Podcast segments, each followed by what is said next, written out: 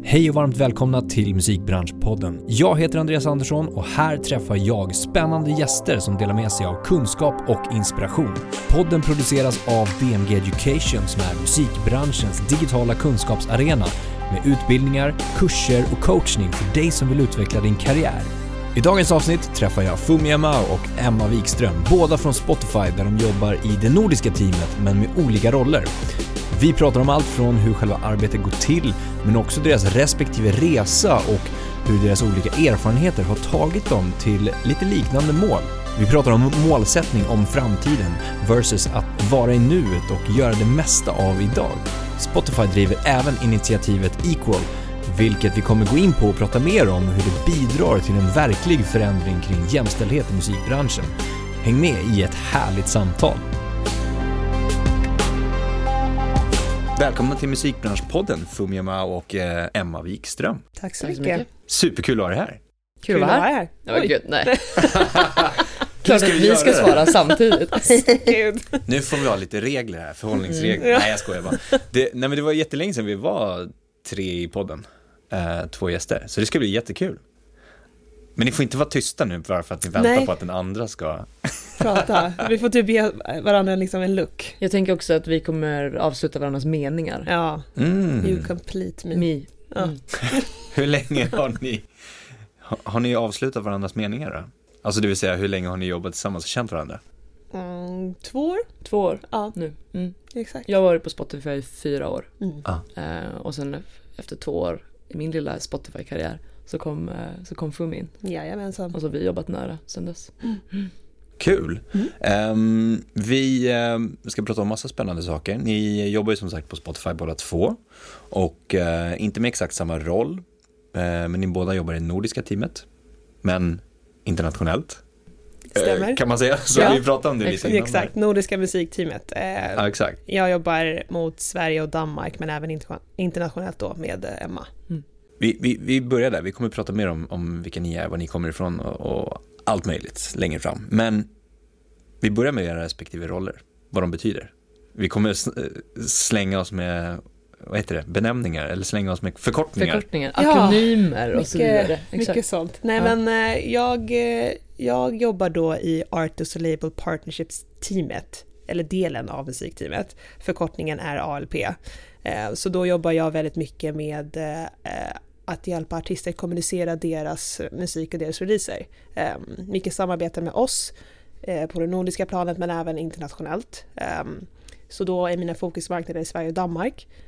Det känns så himla konstigt att beskriva mitt jobb för att för mig känns det som att allting är en självklarhet. Mm. Men det är ju absolut inte det. Alltså jag, Nej, jag är, Det är ju väldigt diffust. Ja, exakt. Jag är väldigt medveten om att så här, mitt jobb är så här, vad gör du? Ja, Ehm, men liksom när du kom in då, för du har ju jobbat på TEN bland annat ja, eh, och kommer från liksom skivbolagssidan, labelsidan då, yes. i din roll nu. Ja, Så du kommunicerar ju med ja.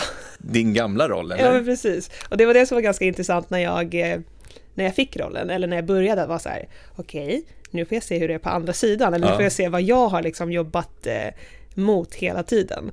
Eh, och jag tror att det var lite det jag kom in med, det mindsetet att så här, nu ska jag försöka vara så himla öppen och så här, som möjligt eh, i, min, i den här rollen, så att vi kan tillsammans samarbeta, så att inte man, det känns som att man bara jobbar mot oss hela tiden, utan att man jobbar med oss mer. Just det. Ehm, Så att, eh, och jag har både erfarenhet från indie på TEN men så var jag en kort sväng på Universal också. Eh, Så att jag har major och indie-perspektivet kvar förhoppningsvis. Så jag tycker att det är nice att kunna ha, leva i, i den världen där våra samarbetspartner också lever i. Så att vi förstår dem mer i deras kommunikation, Just det. i deras artistreleaser och hela deras arbete. Ja. Men kan man, man kan nästan säga att du tog ett steg längre ifrån artisten i liksom värdekedjan, Ja. eller hur? Ja, Om man försöker ska visualiseras på något sätt, liksom, att ja exakt. du var nära artisten och pratade väldigt mycket liksom, på TEN och Universal. Eh, och sen tog ett steg längre bort. Ja. Hur känns det då? Att, Det var, i början så var det, det var faktiskt en grej som jag tänkte på i början att säga, okej shit nu, eh, för jag älskar musik, eh, jobbar, jag älskar att jobba nära musiken och sånt där. Och ja, det var faktiskt en grej jag tänkte på när jag, eh, när jag tog den här rollen att så här, okej men nu kommer jag komma ett steg ännu längre från själva musiken och artisten. mm, Men eh, jag såg det som att så här, men jag kommer fortfarande kunna hjälpa dem i deras karriär. Eller inte hjälpa, men kan stötta dem i Mm. deras karriär. Ehm, och i slutändan så är det det enda jag vill. Härligt. Eh, och Emma, du är mer av den redaktion, redaktionella. Ja, så delen. jag är del av det nordiska musikteamet också då. Men tillhör då editorial, så redaktörerna, musikredaktörerna. Precis. Ehm, och jag är inte heller så nära artisterna eller management så, men jag är ju extremt nära musiken. Ja, exakt. Eh, och det är ju, jag tycker ju att jag har det bästa jobbet på hela Spotify. Eh, För att? Eh, nej men för att det är så kul. För Ja. att det är så nära musiken. För att det är Det låter också så basic på ett sätt. Att så här, jag går till jobbet och lyssnar på musik. Mm. Men det är det jag gör. Mm. Och att få höra en låt och känna okej men den, platsar i den här kontexten vilket är Gorpcore typ. Eh, den spellistan. Och sen se på datan och läsa datan och analy- analysera datan. Och vara så men tyckte Gorpcore-crowden att det var en bra låt Ja. för den crowden? Just det. Och det visar ju datan och, och liksom så. Mm. Och då, ehm, ja det var kul. Så du pratar nästan med liksom lyssnaren, användaren genom musiken och den pratar tillbaka genom data. Mm, och du så. optimerar, pratar åt andra hållet. Exakt. Ja men, Eller och pratar, var, kommunicerar. ja, men och var, var passar en låt bäst? I vilken kontext passar den bäst? Och så vidare. Ehm, för det finns ju oändliga typer av spellistor, både från lyssnare själva men också som musikredaktörer på Spotify gör. Och det är bara kul att det finns så många olika. För en låt kanske passar i en hitslista, absolut. Men den kanske också passar i en spellista som är känslan av att my life is a movie. Mm. Liksom, så att det mer, blir mer soundtrack-feeling på en lista, även om det inte är en kanto-soundtracket. Just det. Men, men, men eh, måla upp en bild för oss här nu då. Eh, när du lyssnar på musik. Är det som att du, du kommer till jobbet, sätter dig ner, eller står upp, eh, och eh, liksom väljer en låt från en, en, en mapp, en liksom, nu ska jag börja lyssna på den här låten. Mm. Vem, vart kommer den låten ifrån liksom? Det, men det finns ju flera olika sätt. Så det finns ju dels ny musik om man, om man ska jobba med det just den veckan eller om man har det fokuset. Mm. Så har vi ju Spotify for Artists där artister, skivbolag och management eh, förhoppningsvis laddar upp sin musik så att den också kommer framför oss in i vårt system som på andra sidan av Spotify for Artists. Ehm, men sen är ju inte alla ehm, alla låtar som funkar eller alla låtar som ska placeras i vissa spellistor är ju inte och de är nya, de ska vara med i New Music Friday. Nej, exakt. Utan det finns ju också kataloglåtar, äldre låtar som är nya för vissa typer av publiker eller som passar i lugnt och skönt listor. Ja. Ehm, och då kan det vara mer att vi ser det i våra verktyg. Att säga, okej, men här bubblar eller här händer någonting. Eller att jag hör på tunnelbanan kanske någon spelar någon låt genom deras hörlurar och jag bara fan shit, den ska ju ligga i den här listan såklart. Mm. Varför gör den inte det? Mm. Den är ju perfekt. Ehm, och sen ibland har man rätt och ibland har man fel Mm. eh, på den gissningen. Så. Hur många listor har du i huvudet då när du går på tunnelbanan? Ja, det, är, nej, men det är också arbetsskada. Ja. Jättearbetsskada. Vi sitter på Så restaurang liksom, och här, ja, Mm. men det är också, ja, men jag har ändå 50-100 i huvudet hela tiden. Det är så? Det var väldigt kul, Mm. jag satt i somras på, eh, på en, liksom en bar. Och sen så hör jag massa musik som, som spelas i bakgrunden. Och sen hör jag hur låtarna spelas. I vilken ordning de spelas. Ah, Okej, så du ser och liksom jag är hel- så här, nej men också då att jag hör vilken spellista det är. Mm, för att jag vet vilken ordning låtarna ligger i. I den ordningen låtarna spelas i. Och då vet jag så här, men då lyssnar de på den listan. Typ. Mm. Ehm, men det är skitjobbigt. Hur lång tid tog det att komma in i den arbetsskadan? Eh, jag- ja, det, det, halvår tror jag bara. Ja, ja. Och sen var man inne och sen har man aldrig kommit ut. Eh, Men eh, det här är ju superintressant. Jag tänker på hur, hur jobbar ni tillsammans då? Alltså liksom, du är ju first in line till, mot liksom label och eh, artister. Exakt. Ehm, men jag tänker också på att det finns en slags, eh, det finns ju musiken, men sen finns det ju label copy, det finns ju artwork, som också ska liksom Mm. på något sätt förmedlas ut där. Ja. Hur, hur mycket är du involverad i det och sen hur, hur mycket snackar ni tillsammans då, så att säga? Eh, hela tiden.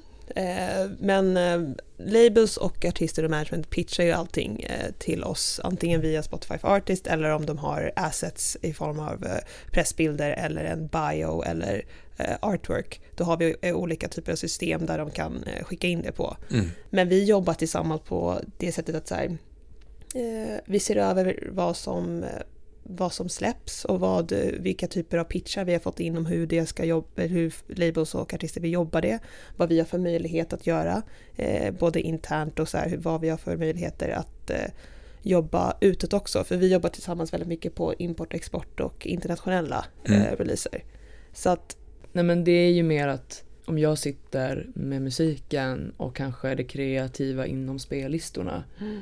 så sen ska ju det ta sig uttryck på andra sätt utanför spellistorna. Ja. Och det är där Fumi kommer in då.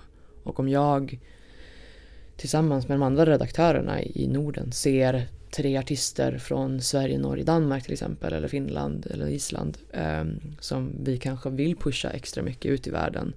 Och då är det dels redaktionellt eh, i form av spellistor och spellistesupport och så. Mm. Men också då på Artist and Label Partnership-sidan hur vi kan, vi kan jobba deras musik på andra sätt än i spellistor. Mm. mm.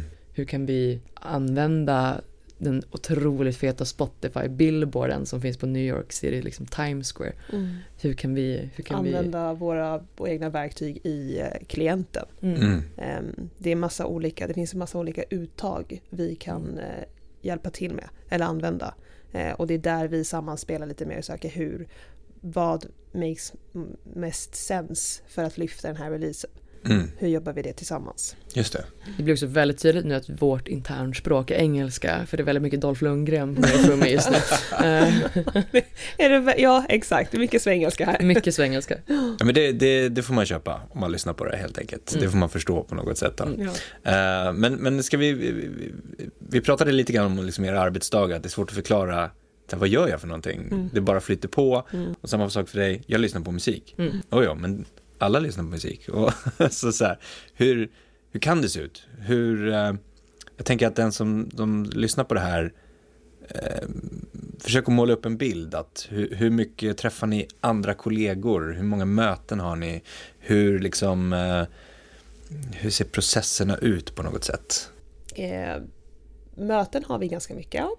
Eh, nästan lite så att vi, är så här, vi måste frigöra lite mer utrymme för att inte ha mycket möten. Men det är samtidigt bra att ha möten för då, det är där vi pratar med varandra. Eh, vi, har ett, uh, vi har möten där vi alla sätter oss ner och bara diskuterar vad som händer i veckan, vad som händer, eh, vad, som, vad som har hänt innan, vad kommer nu, så här, nu kommer jag, jag tänkte börja snacka engelska igen. Men, det är okay.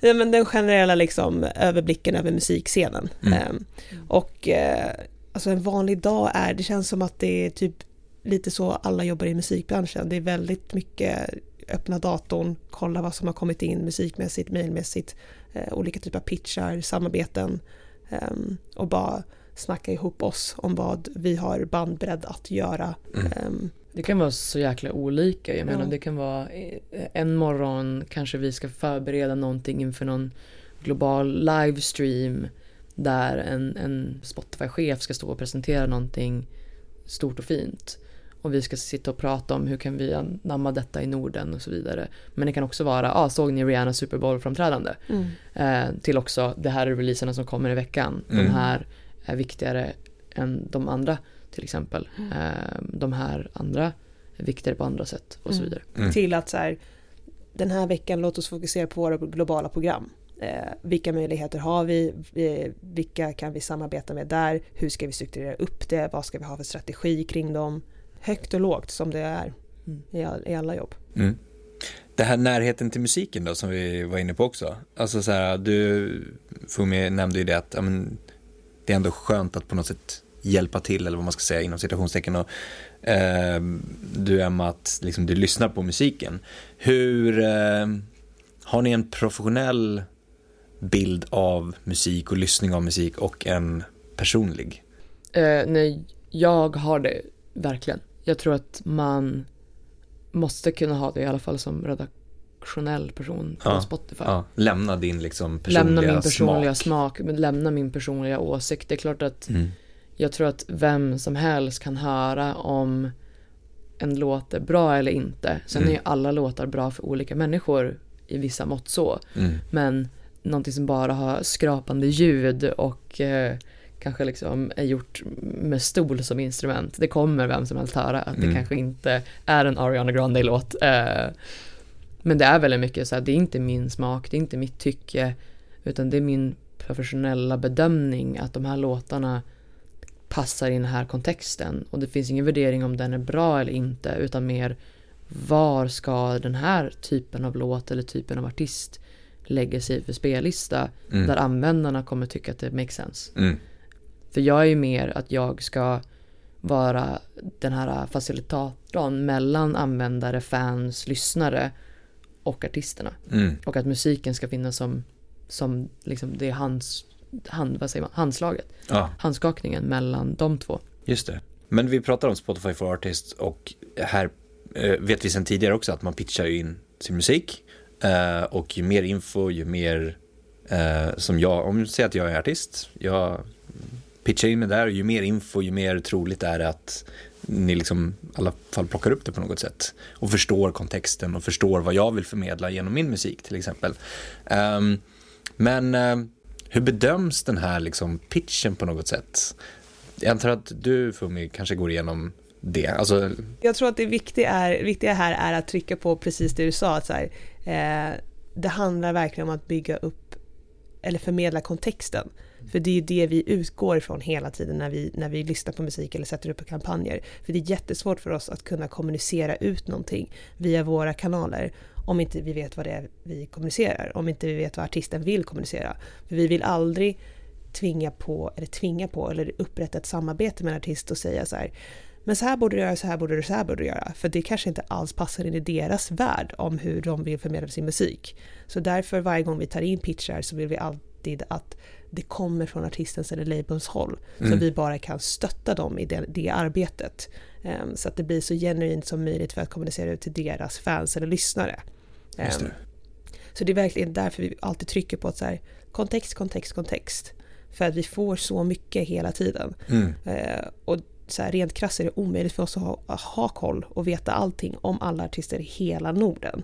Så det är verkligen därför vi hela tiden trycker på kontext. Eh, men pitcharna och sånt, så det är så mitt, mitt synsätt är på att ta in pitchar. Um, när det gäller själva musiken och sånt överlåter jag det till min kära kollega. Och då är det ju att i och med att man kan pitcha sin musik, man kan beskriva den, om det är genre eller om det är vilken typ av känsla du vill förmedla med din musik. Eller liksom, det finns ju också en ruta du kan skriva hur mycket, hur lite, vad du vill. Än bara att klicka i det här är mina genrer i Spotify Ja. for Artist. just det. Och då är det ju hjälpsamt tycker jag när jag går igenom veckans releaser till exempel i, i då andra sidan av systemet Mm, eh, och kan då läsa vad en artist vill med sin musik eller vad den själv tycker att den passar i eller vad den ja, men vill förmedla ehm, eller vad tanken var när den skapade den. Så ju mer kontext det kan, det kan fås in i en, i en pitch desto mer kontext får ju jag ja. desto bättre professionell bedömning kan jag göra på vilken typ av spellista den låten eventuellt passar i. Du har jobbat på, i fyra år på Spotify, du har jobbat två år. Och sen tidigare så har ni gjort massa olika erfarenheter sen, ja, vart ni kommer ifrån så att säga. Ehm, och ni har två olika vägar som skiljer sig lite grann. Du Fumi berättade att du har erfarenhet både från liksom skivbolagssidan, Mm. independent, du har majorbolag, Mm. du har pluggat Jo, på universitet, det har jag. eh, du har jobbat som säljare. Eh, ja, det Ja. har jag. Så du har liksom paketerat dem, du, du har den erfarenheten från, från tidigare håll då så att säga.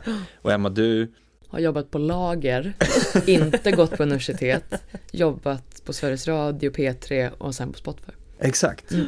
Eh, och, och ni jobbar ju väldigt nära varandra Mm. i samma team. Det är väldigt häftigt tycker jag. Det är riktigt, riktigt häftigt att se hur liksom era respektive karriärer hittills, ni är fortfarande väldigt unga, det kommer vi in på också, under 30, ehm, och, och tagit det dit ni är idag så att säga. Att det är, det handlar så mycket om liksom vad ni tar med er, inte om vad ni har gjort för någonting. Mm. Eller hur? Mm. Har ni någon egen reflektion kring liksom hur ni har tagit er dit ni är idag? På de här olika vägarna? Ja, alltså sjukt nog så har jag typ glömt bort att jag har pluggat. När du sa det nu var det så här, just det, det har jag också gjort. Um, för att jag pluggade ju ekonomi. Jag har liksom en kandidat i ekonomi som jag har hjälpt mig i mitt arbete med att jobba budgetar och så vidare. Mm. Men jag är inte, för det är väldigt många i den här branschen i alla fall som kommer från eh, typ eh, musik och eventmanagementutbildningar. Eh, och det minns jag att när jag började på TEN så var det så här, ja men jag gick den här utbildningen, den här utbildningen, jag bara, vad är allt det här? Jag har typ aldrig hört talas om det. Ehm, så att eh, jag tycker att det är jättekul när det är olika vägar, men jag tror att eh, det som har lett oss båda hit är vårt driv. Att så här, vi, eller nu kan inte jag prata för dig, men, men att så här, eh, jag, jag har i alla fall haft en väldigt tydlig vision med vart jag vill ta, eh, vart jag vill gå i min karriär, vart jag vill ta mig själv liksom. Um, och att så här, jag trodde inte att jag någonsin ens skulle kunna jobba inom musik. Jag minns när jag började på TEN då och var 23 eh, och bara jaha, vad ska jag nu? Det här är mitt drömjobb. Jag har typ 40 år kvar i arbetslivet. Hur ska jag, hur ska jag lägga upp det Um, så att jag minns att redan då började jag tänka på att okej, okay, men vart vill jag ta mig? Hur vill jag avancera i min karriär? Um, och eh, min tid på TEN var så här, den var otrolig. Det var också lite samma, det är fortfarande så som jag tänker om mitt jobb just nu. Det är helt sjukt att jag ens har, jobbar med det jag jobbar med just nu. Um, men uh, från min TEN-tid så har jag liksom utformat min egen väg och hur jag vill, vart jag vill gå väldigt luddigt sagt, men jag tycker att så här, det finns ingen rätt eller fel väg till hur du vill gå. Jag tror mm. att varje steg i din karriär är någonting som eh, bara gör dig klarare och klarare för vart du vill hamna i slutändan. Mm. Och för din del, Emma? Nej, men jag tror att jag håller med. Det... Du tror att du håller med? Nej, men jag tror att jag håller med. Nej, men jag håller med till viss del. Um, men jag tror att här, kunskap är också någonting som är väldigt, väldigt viktigt i musikbranschen tycker jag. Mm. Um, driv, absolut. Jag tror att det är en väldigt, väldigt stor del varför jag är där jag är idag. Um, och jag tror mer på kunskap än erfarenhet. För jag hade ingen erfarenhet i musikbranschen när jag började i musikbranschen. Men jag hade kunskap om musikbranschen. Jag hade kunskap om musik. Om vad för typ av musik som funkar. Vad som typ av musik som, som folk vill lyssna på. Mm. Um, att komma in med det, komma in med drivet och också lite veta vad jag vill mm. um, så, har hjälpt mig jättemycket. Um, men, det. men det här med att liksom, eh, om vi har, vi har två liksom facit här på något sätt som vi kan titta på bara. Eh, det är driv, det är kunskap. Många som jag pratar med fastnar i den eh, tanken om att här, jag måste gå den här vägen för att komma dit. Lite grann som du sa för mig, att mm. det finns olika vägar att gå. Um, och, och, att ingen är liksom den rätta så att säga. Men hur kan man hitta liksom de här kunskapsbitarna, vad det är man ska kunna? Du var inne på det att um, jag, jag fick det med mig. Visste du att du skulle ha användning av det i liksom P3 till exempel eller i din roll idag? Ja, men jag så jag tror att om jag ville jobba med kultur, om jag ville jobba med populärkultur och musik Eh, så behövde jag kunna allt om det. Eller jag kunde behövda veta så mycket som möjligt om just de två kanske facken av information eller kunskap. Mm. Eh, och det har varit mitt största intresse, de två sakerna, musik och populärkultur. Och då har det också generellt bara blivit så. Det har varit det jag har läst på om. Det har varit det jag har sugit åt mig allt jag kan som liksom serveras från USA eller från UK eller mm. här i Sverige lokalt också. Mm. Och då har det varit så att när jag vill gå in i en arbetsroll som helst ska ha med det att göra um, så har det också kommit naturligt för det har varit det jag har haft bäst kunskap om. Mm. Um, så intresset för exakt. det, liksom, det mm. naturliga intresset för det har varit drivkraften snarare än att jag måste nå mm. dit, eller jag måste göra det. Nej, för att jag tror att hade jag varit så, jag måste ha en universitetsutbildning ja. för att komma in på P3 eller på Spotify ja. och jag måste ha en bakgrund inom det här, då tror jag att hade det varit då de klassiska grejerna man måste ha, mm. men man faktiskt inte måste ha, mm.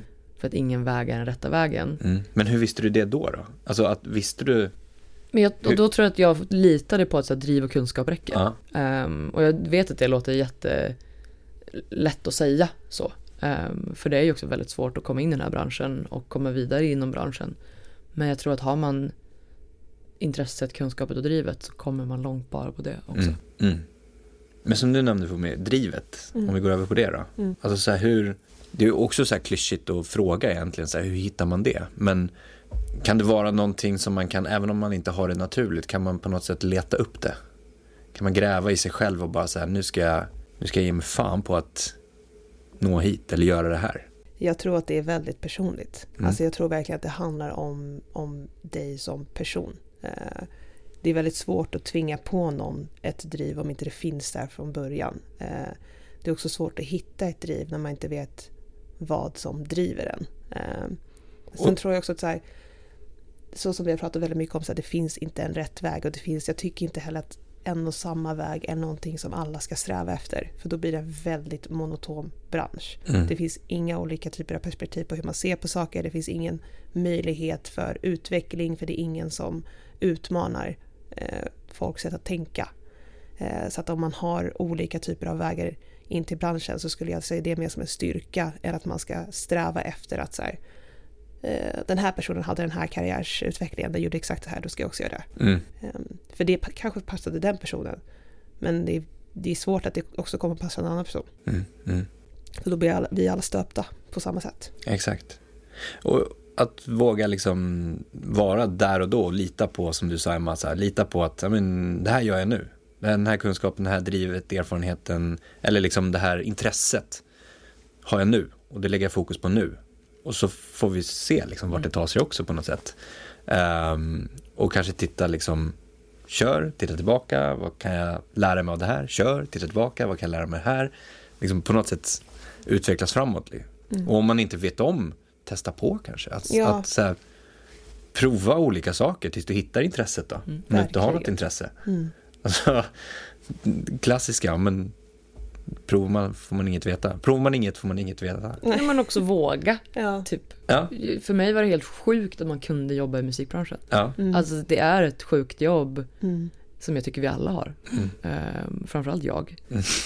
Men det finns det här jobbet. mm, Och det är otroligt kul. Och bara våga då tänka så här, men okej, vad vore drömjobbet? Det här vore drömjobbet. mm, Att jobba med spellistor och musik. Mm. Eh, okej, hur tar jag mig dit? Och sen våga gå för det. mm, Sen är det ju alla andra faktorer som spelar in såklart, hur man faktiskt sen hamnar där. exakt. Men också att, jag vet inte, musikbranschen är en, en, en otrolig bransch på många sätt. Mm. Negativt och positivt. Mm. Men att få jobba med musik är ju det bästa som finns. Ja, tycker jag. exakt. Mm, Jag håller 100% med dig och här, såklart så är vi medvetna om, som du nämnde tidigare, så det är en väldigt tuff bransch att komma in på. Jag trodde aldrig att jag skulle komma in på den här branschen. Eh, så det är inte som att vi sitter och bara så här, om du vågar så klarar du det. Utan eh, vi är alla måna om att så här, det är en tuff bransch att komma in på, men testa, Mm. våga, mm. eh, så får vi se. Du nämnde det här med att här, men jag nådde mitt drömjobb på TEN. Mm. Och sen då? Började fundera jag har ett långt arbetsliv framför mig. och fortfarande. Nu är ni, då har ni liksom flyttat fram den här drömjobbsgränsen på något sätt. Att nu är jag där. Sen då? Mm. Hur, hur kan man tänka där? Eller hur, eller hur tänker ni där snarare? Jag är en planerare, alltså rakt av. Jag har liksom en plan för hur, vart jag vill ta mig, vart jag, vill, var jag ser mig själv. Um, vad är min, Hur långt liksom, fram då? Nej men gud, jag vill bli chef över världen. Chef Ja. över världen? ja, nej, inte chef över världen, men jag vill bli, jag har ju liksom mål. Ja. Eh, det hör väldigt mycket ihop med så att jag vill, jag vill, jag vill se fler eh, kvinnor och eh, eh, POCs eller, ja, i mer chefspositioner. Mm. Och jag har alltid haft ett intresse av att leda, jag har alltid haft ett intresse av att hjälpa folk och så tänkte jag så här, men varför kan inte jag göra det då? Ehm, så att jag tror att, och det har jag ju som sagt sett genom hela min, genom hela min karriär, min karriär hittills, att så här, jag hittar lite hål som jag bara säger, men gud, hmm, jag undrar varför inte det är så här? Jag undrar så här, hur kan jag på något sätt kanske vara en del av förändring? Mm. Ehm, Så att det är där jag, det är så jag har utformat min karriär och det är därför jag, jag tänker 100 steg fram, jag har en liten släng av kontrollbehov och så här, jag eh, älskar att prata och connecta med folk. Det kändes så här, vad bra, partnerships, ledarpositioner, nu åker vi. Ja, perfekt. Mm. Men, men, eh, om du får blicka framåt då, där, Ja, lyfta huvudet och Har du, har, du, har du berättat dina mål för någon någon gång? Eh, ja, jag, jag, tycker att eh, det är väldigt bra att vara tydlig med dina mål med dina chefer. Mm. Eh, för att eh, förhoppningsvis kan de då hjälpa dig nå dem. En, en grej som är väldigt bra att ha med sig är att här, ta emot hjälpen när den väl presenteras. Eh, för att det är klart som fan du kan göra allting själv, men det skadar inte med hjälp. Så att om du har planer på att avancera i ditt jobb eller i din karriär och det kommer en möjlighet eh, där du får hjälp, ta den då. Och du kommer inte få hjälp om inte du berättar vad du har för planer eller ber om det. Mm, helt rätt. Emma, vad, eh, det här med också så här, att lyssna på musik, drömjobb. Eh, och det är ju liksom bara, om vi tittar egentligen bakåt i backspegeln, Spotify är inte så himla gammalt, eller streaming är inte så himla gammalt som teknik heller. Om man tittar framåt för din del, har, har du, vågar du titta framåt? Är du en sån person? Nej, jag är ju raka motsatsen. Jag tycker det är jobbigt att tänka på nästa vecka. Okej, okay, uh, okay, Så att jag uh, försöker leva så mycket det liksom går i nuet. Ja. Uh, mycket carpe diem på mig. det är därför vi är ett bra team. Ja, exakt. Compli you know, compliment each other. Nej men, det är viktigt för mig också att stanna upp och vara så här, det här är drömjobbet, det här är kul. Och sen göra det så länge det känns kul. Och jag tycker att det är kul. Mm. Och vad jag vill göra sen, det kommer jag komma på när jag inte tycker det här är kul längre. Exakt. Typ lite så. Då kommer det då. Ja. Exakt. Och väldigt hälsosamt tänk också. Ja men du ska bli chef över hela världen ja. så att eh, du har lite att jobba på, det är det. det är liksom, ja. du, du har, måste ju stapla upp det Jag måste lägga i. Eh, exakt. Jag kan sitta och chilla om du är chef för mig sen. Men det återigen så är det två olika perspektiv. Det är mm. på, olika perspektiv på era resor, på era liksom inställningar, inte inställningar, men tankar om mål, alltså framåt och, och karriärer framåt och det är jättehäftigt att se.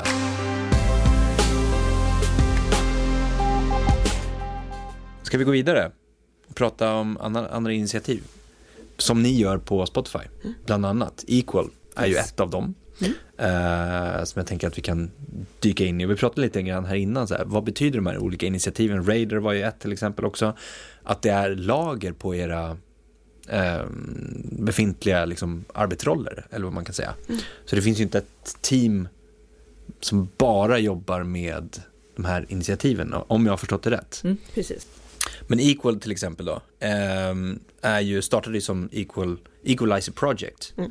Men det, det, det, är ju ganska häftigt att se tycker jag att det har vuxit från att ha varit ett ganska litet initiativ som startade ganska lokalt också vad jag fått förklarat för mig mm. eh, till att nu liksom vara väldigt stort. Alltså Equal, vi pratade om Billboard på Times Square va? Mm. Eh, där det liksom visas upp. Så det är väldigt coolt att se hur det utvecklats från det här lilla till ett väldigt stort som gör effekt mm. på något sätt också, som bidrar till någonting. Um, inte bara att det liksom visar upp, utan det måste ju bidra till ett slags eh, förändrat beteende, lyssningsbeteende hos konsumenter kanske också. Alltså ju, ju mer ni jobbar mer internt och visar upp, ju mer förhoppningsvis blir det väl att man kan liksom analysera och se mm. ett beteende i hur man väljer att lyssna på vissa spellistor eller artister eller producenter eller vad det nu kan vara. Ja men och att Equalizer startades då för det skulle vara en bidragande faktor till jämställdheten i musikbranschen. Ja. Och sen när det blev ett globalt initiativ och det heter Equal nu så är ju det fortfarande det det är. Det är ju ett av många sätt att bidra till en mer jämställd musikbransch. Mm. Och det är inte bara Spotify som kommer behöva lösa alla de puckarna utan det är ju alla vi. Mm. Som individer, som företag, som, som musikbransch som måste hjälpas åt. Och jag tycker att det är så fint att det finns ett lager av det tänket på det vi gör. Om det är spellistetänk eller kampanjtänk eller, eller, eller mer än åtminstone bara att visa upp utan att det faktiskt är någonting som vi vill förändra. Vi vill mm. bidra till en mer jämställd musikbransch. Mm. Och själva initiativet, eller liksom den här delen vilar ju på Tre ben. Tre ben ja. Mm. snackade vi om. Eh, precis. Eh, nätverkande, inspiration och eh, utbildning. Så under de här tre benen så gör vi då olika typer av eh, uttag. Så nätverkande är, kan till exempel vara en av våra nätverksmiddagar eh, där etablerade artister får träffa eh, up and coming artister eller låtskrivarproducenter och bara dela med sig erfarenheter, kunna vara ett safe space där man bara kan prata om saker, om hur man upplever branschen, prata av sig eller få tips och tricks. Um, och utbildning är olika typer av producentcamp som vi anordnar eller olika typer av andra initiativ där eh, man får lära sig mer om branschen och hur det funkar. Och de här två benen då Ehm, blir tillsammans inspiration för att kunna inspireras att jobba vidare med de här frågorna. Men med det sagt så jobbar vi alltid på hur vi kan ehm, inte förändra men utveckla strategin kring eh, de här programmen. Så att eh, de här, även om det är de här tre benen vi har stått på nu eh, så kanske det finns olika typer av andra grejer vi kommer stå på i framtiden. Mm. Um, för det handlar, allting är ju alltid utveckling. Jag är väldigt spänd på att se hur vi kan faktiskt ta ut det här eh, mer än vad vi har gjort hittills. Mm.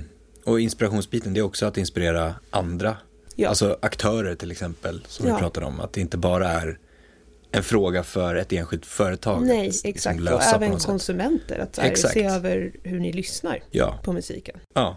Se, har ni sett någon sådana, kan man se liksom det i analysen, eh, hur konsumenterna väljer att lyssna, som vi pratade om. Bara tittar vi på hur många så här, kvinnliga låtskrivare eller producenter det har varit på de 50 mest streamade låtarna år efter år efter år så är det ju en väldigt liten andel. Mm. Och det kommer ju olika rapporter från olika håll och det syns på topplistan.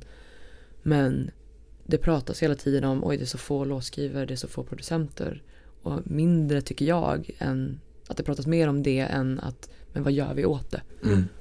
Att vi hela tiden hamnar bara i frågan. Bara hela tiden. Mm. Exakt, vi ja. bara belyser problemet men det finns inte tillräckligt som så här, men så här gör vi, så här mm. ska vi förändra problemet, så här ska vi få fler låtskrivare in i rum där de inte nödvändigtvis är välkomna eller tar plats idag.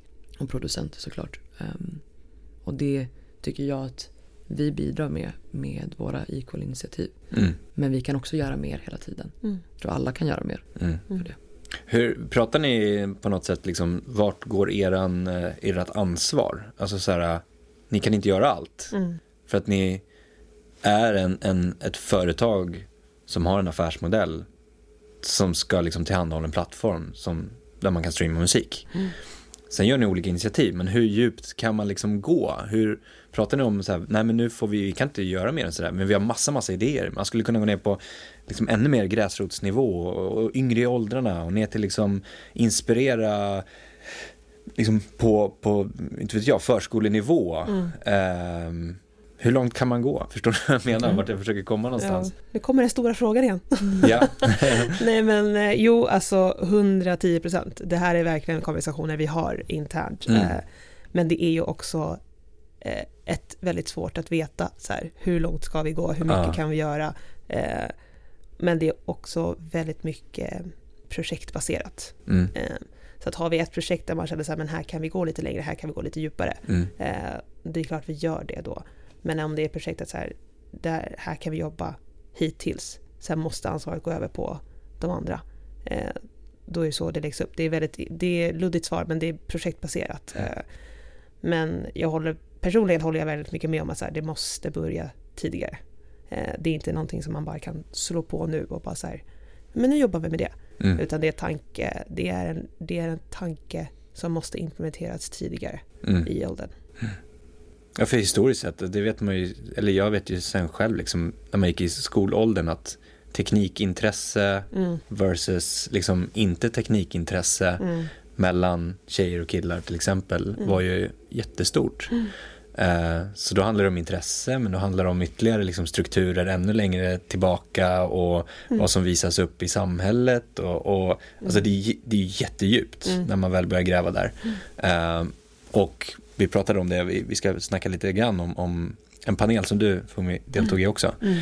Att det är väldigt luddigt ibland. Exakt. Um, men ibland behöver det vara luddigt. Mm. För det, det är det som sparkar diskussionerna Exakt. eller konversationerna. Ibland måste det inte alltid vara så här, det här är lösningen. I en drömvärld hade det varit så här, nu pratar vi om det här är lösningen, nu åker vi, nu implementerar vi det. Ja. Men ibland så är det bara att så här, låt oss bara prata om det.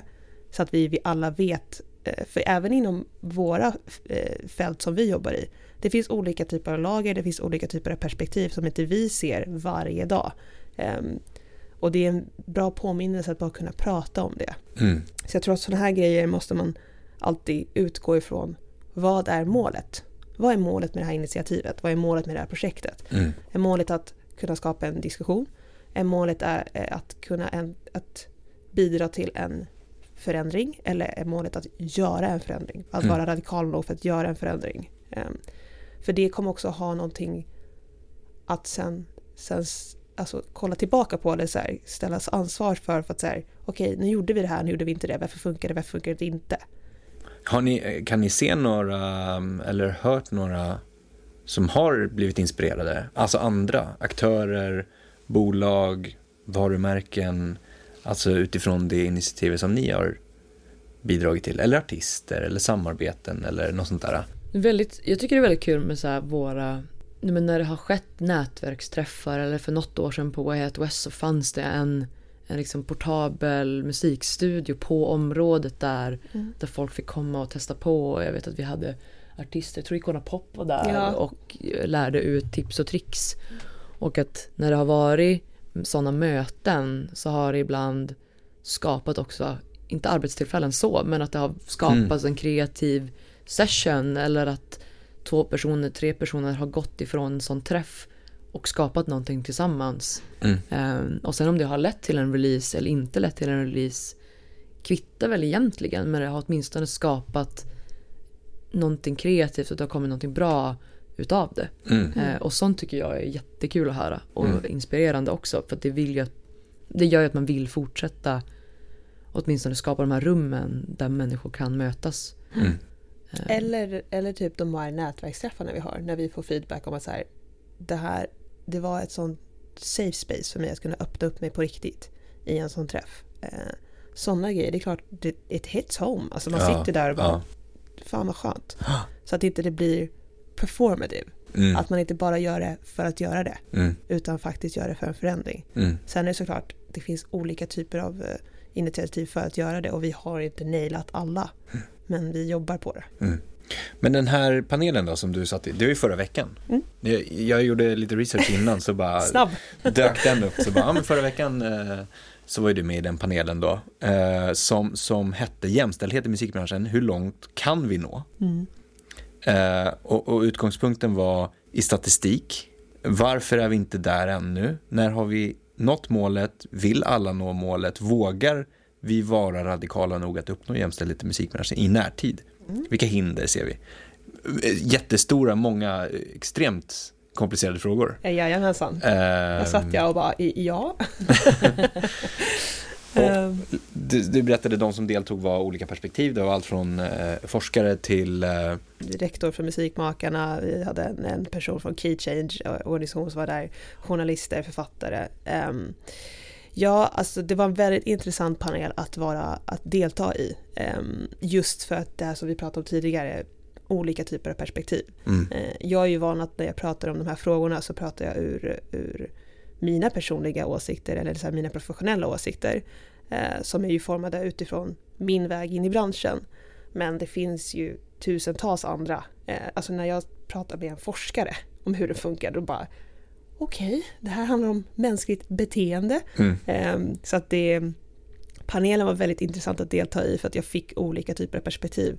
Eh, men där var det en sån grej att så här, den här panelen är inte till för en lösning. Det här panelen är till för att eh, eh, uppmuntra diskussionen. Så här, mm. Vill alla nå dit?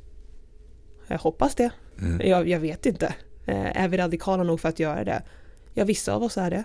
Eh, Exakt, vissa. Men, ja, men andra är inte det och vissa av oss Nej. är mottagliga för det, andra är verkligen inte det. Mm. Um, så att ja, intressant panel att vara bra med i. Mm. Eh. Men vi, vi, har pratat om det här förut i podden också, just att så här, men, uh, vi ser ju från vår sida, från utbildningssidans håll, att vi har till exempel fler uh, kvinnor som söker vår utbildning. Vi har i snitt fler kvinnor uh, som går den också. Mm. Och det är fler kvinnor, jag såg någon rapport om att det är fler kvinnor som kommer in i musikbranschen. Men sen då? Mm. Kommer, där finns det liksom ingen riktig data eller statistik på. Mm. Att vad händer sen? Mm. Eh, olika roller, olika ansvarsområden, Mm. vi pratade chefspositioner, vi pratade styrelse, ledningsgrupper och inte bara det heller, headcount, utan liksom faktiska ansvaret eller vad har man att säga till om eller vad har man inte att säga till om. Har ni några reflektioner, inte vad som ska göras, men liksom just det här, vad händer sen? Ja, alltså Mm. det, jag ser ju att det är väldigt, väldigt många kvinnor i, i, eh, i roller som är mer inom cit, citat, situationstecken omhändertagande Mm. eh, och inte beslutsfattande. Eh, och det är ju där jag tror att, eller tror, vi alla vet väl att det är där förändringen måste ske. För att folk som sitter i beslutsfattande positioner, de fattar ju beslut för alla. Och om man bara har ett perspektiv eh, från hur beslut ska fattas, hur kan det då tillämpas till alla? Och det här pratar inte jag bara om, eh, om kön. Det här är alla, alltså sexuell läggning, eh, etnicitet, alla typer av olika bakgrunder spelar ju roll. Man kan inte bara ha en, en typ av person som sitter på en beslutsfattande roll.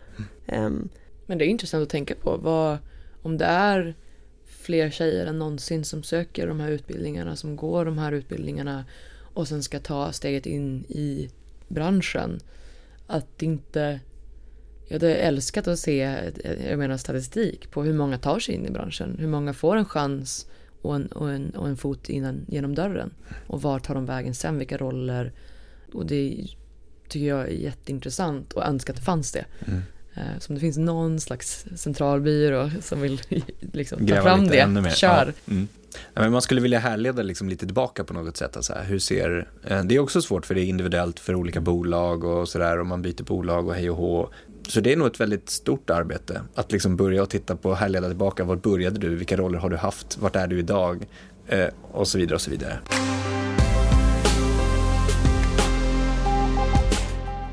Ni avslutar varandras meningar, ni, gör inte, ni jobbar med varandra, eh, ni, får, eh, ni blir utmärkta till priser, eller vad ska man säga, tillsammans.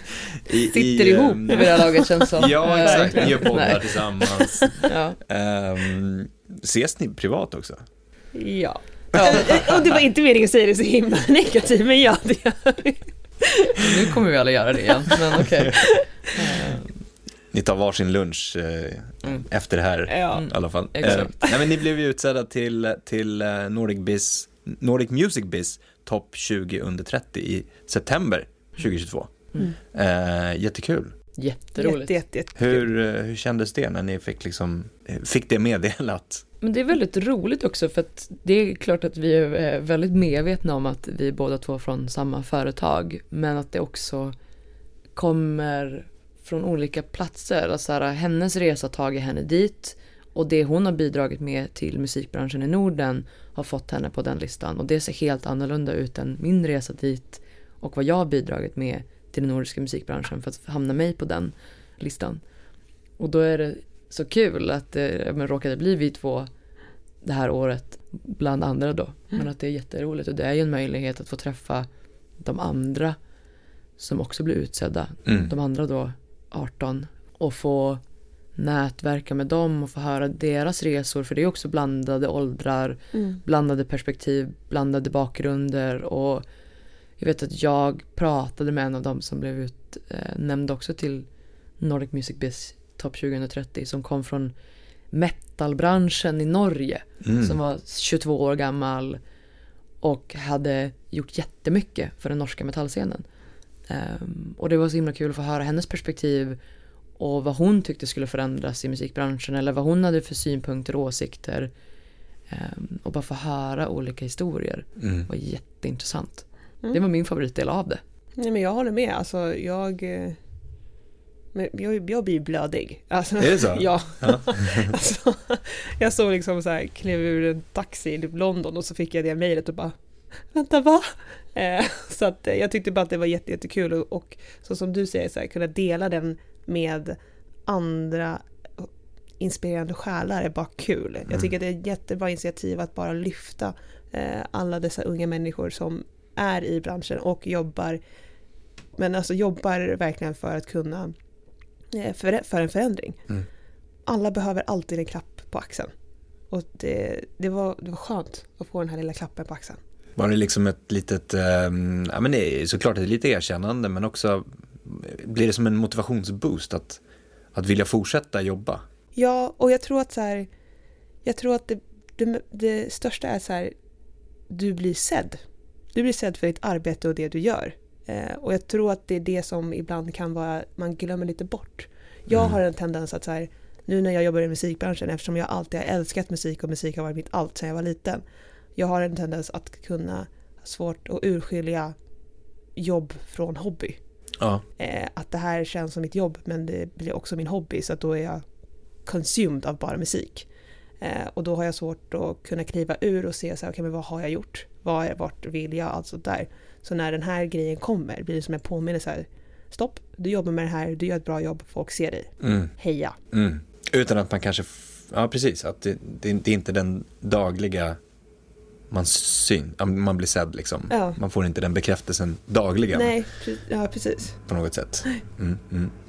Ehm, eh, vad, vad blir nästa steg då? Om man säger, för, i alla fall för din del Fumi, du som har planerat eh, framåt, så här, vad blir nästa steg i, i att nå den nivån liksom, efter? Eh, jag har inte en, en satt plan eh, än, men eh, eh, jag tror att eh, jobba på som jag gör nu, jobba på med det, det fantastiska teamet som jag gör nu eh, och sen lite utifrån det kanske anamma Emmas eh, syn på sättet. diem. Ja, kan, eh, ja. Landa lite. Exakt. Ja, landa lite, ha lite Ja, kul på vägen. Lev, ja, lev i nuet och sen ta det imorgon. Exakt. Min, eh, min, mitt kontrollbehov kommer inte klara av det, men det är Nej, jag jobba. ser hur hon blir stressad nu bara av att prata att hon ska leva i nuet. Det existerar inte. Nej. Men det kan väl vara skönt att ha de två eh, perspektiven alltså, tillsammans. Jag, nu ska jag inte klumpa ihop det som en entitet, person liksom, på det sättet. Men liksom, att kunna ha och, liksom, de relationerna på något sätt i, i, i sin närhet. Ja, att, ha göra sig påmind om att det finns ja, andra precis, grejer. Precis. Ehm, bra, men, men hörni, vi ska avsluta med lite tips Mm. till eh, de som lyssnar. Om man, vi, går in, vi, vi börjar med liksom era respektive roller, det ni arbetar med nu. Mm. Eh, vad är liksom de bästa tre tipsen ni skulle ge till någon som är väldigt, väldigt sugen på att jobba med det ni jobbar med? Jag kan börja. Eh, det är bra att ha en generell kunskap kring musik. Eh, är du en sån som får alla rätt på musikquiz, kanon. Då kan det här jobbet vara för dig. Men också att ha ett, ett, ett, ett specialintresse eller att ha en specifik eh, expertgenre eller expertområde. Att verkligen nörda in sig i det man brinner för inom musiken också. Mm. Så att man har den breda kunskapen men man också har den nischade. Eh, för det kommer få dig att stå ut gentemot andra. För det kommer också vara ett perspektiv och det kommer vara en kunskap som behövs. Eh, så det är tips nummer ett. Och sen tips nummer två tror jag är bara samla så mycket kunskap och erfarenheter från andra människor också så att du också samlar perspektiv och tips och tricks från andra i branschen. Eh, och om det är att ta en kaffe med någon som du aldrig har träffat innan eller ligga på med de där mejlen och vara så, va- okej, vad kan jag göra för att ta mig hit eller ta mig hit? Ehm, bara mer försöka få insikt från människor vars kanske roll du vill ha. Mm. Och, eh, och sen tips nummer tre är väl också drivet. Att vill man någonting och jobba hårt för att få det så förhoppningsvis så kommer du dit. Ingenting kommer bli serverat till dig. Så har mitt liv alltid varit i alla fall. Så jag är uppväxt, eh, uppfostrad. Så att vill man någonting så får man göra allt man kan för att ta sig dit. Eh, Och förhoppningsvis en dag så når man det. Så drivet. Härligt. Mm. Bra tips. Mm, verkligen. Eh, jag håller 110% med, har absolut suttit här med prestationsångest över vad för smart jag ska säga. Men jag, jag tänker inte vara överflödig utan jag kommer verkligen bara säga att jag håller med. Eh, alla tre tipsen är superbra och så här, kommer avsluta med det klyschigaste någonsin men försök ha kul på vägen, alltså på riktigt för att du måste stanna till och tänka så här, har jag kul? Ja men då fortsätter jag. Mm. Mycket bra. Mm. Ja men superbra tips. Den där kul är ju väldigt viktig. Jag hade ett år när jag eh, dippade lite i motivation och Mm. sådär och då, då skrev jag upp eh, tre stycken eh, ord bara som jag skulle ha det kommande året och det ena var liksom kul. Mm. Ehm, så ja men det tror jag verkligen. Påminn dig själv om det. Och var snäll. Ja, gud ja. Alltså vad... Det, jag slänger in ett fjärde tips. Var snäll. Ja, Mot dig själv och mot andra. Verkligen. Det kommer man långt på också. Mm. Om folk tycker du är snäll, då kommer folk bara prata bra om dig. Finns det någon balans att vara för snäll? Ja. Absolut. I, I vissa Ja. situationer, men eh, som en grund, eh, jag håller helt med Ja, dig. mm. En, en grund, var snäll. Genuint liksom snäll. Genuint snäll, eh, men inte för snäll heller, för då kommer folk gå på dig. ja. Exakt, Exakt. Mm. Hårfin linje också, Ja, det där. ja, ja. Men, men jag tycker snäll är mitt fjärde tips. Hörni Fumuyama, superkul att ha er här. Tack, Tack så mycket. Tack så jättemycket. Jättestort tack för att du har lyssnat på podden idag. Det uppskattas verkligen. Kom ihåg att följa, stjärnmarkera, gilla, dela, kommentera för att hjälpa till att sprida kunskapen i musikbranschen. Vi vill också jättegärna höra från dig. Vilka utmaningar står du inför? Vad tycker du är svårt? Vad tycker du är lätt? Vad vill du höra? Vad vill du veta? Vad vill du lära dig? Hör av dig till oss på info at dmgeducation.se. Tack för idag och ha en fortsatt härlig dag.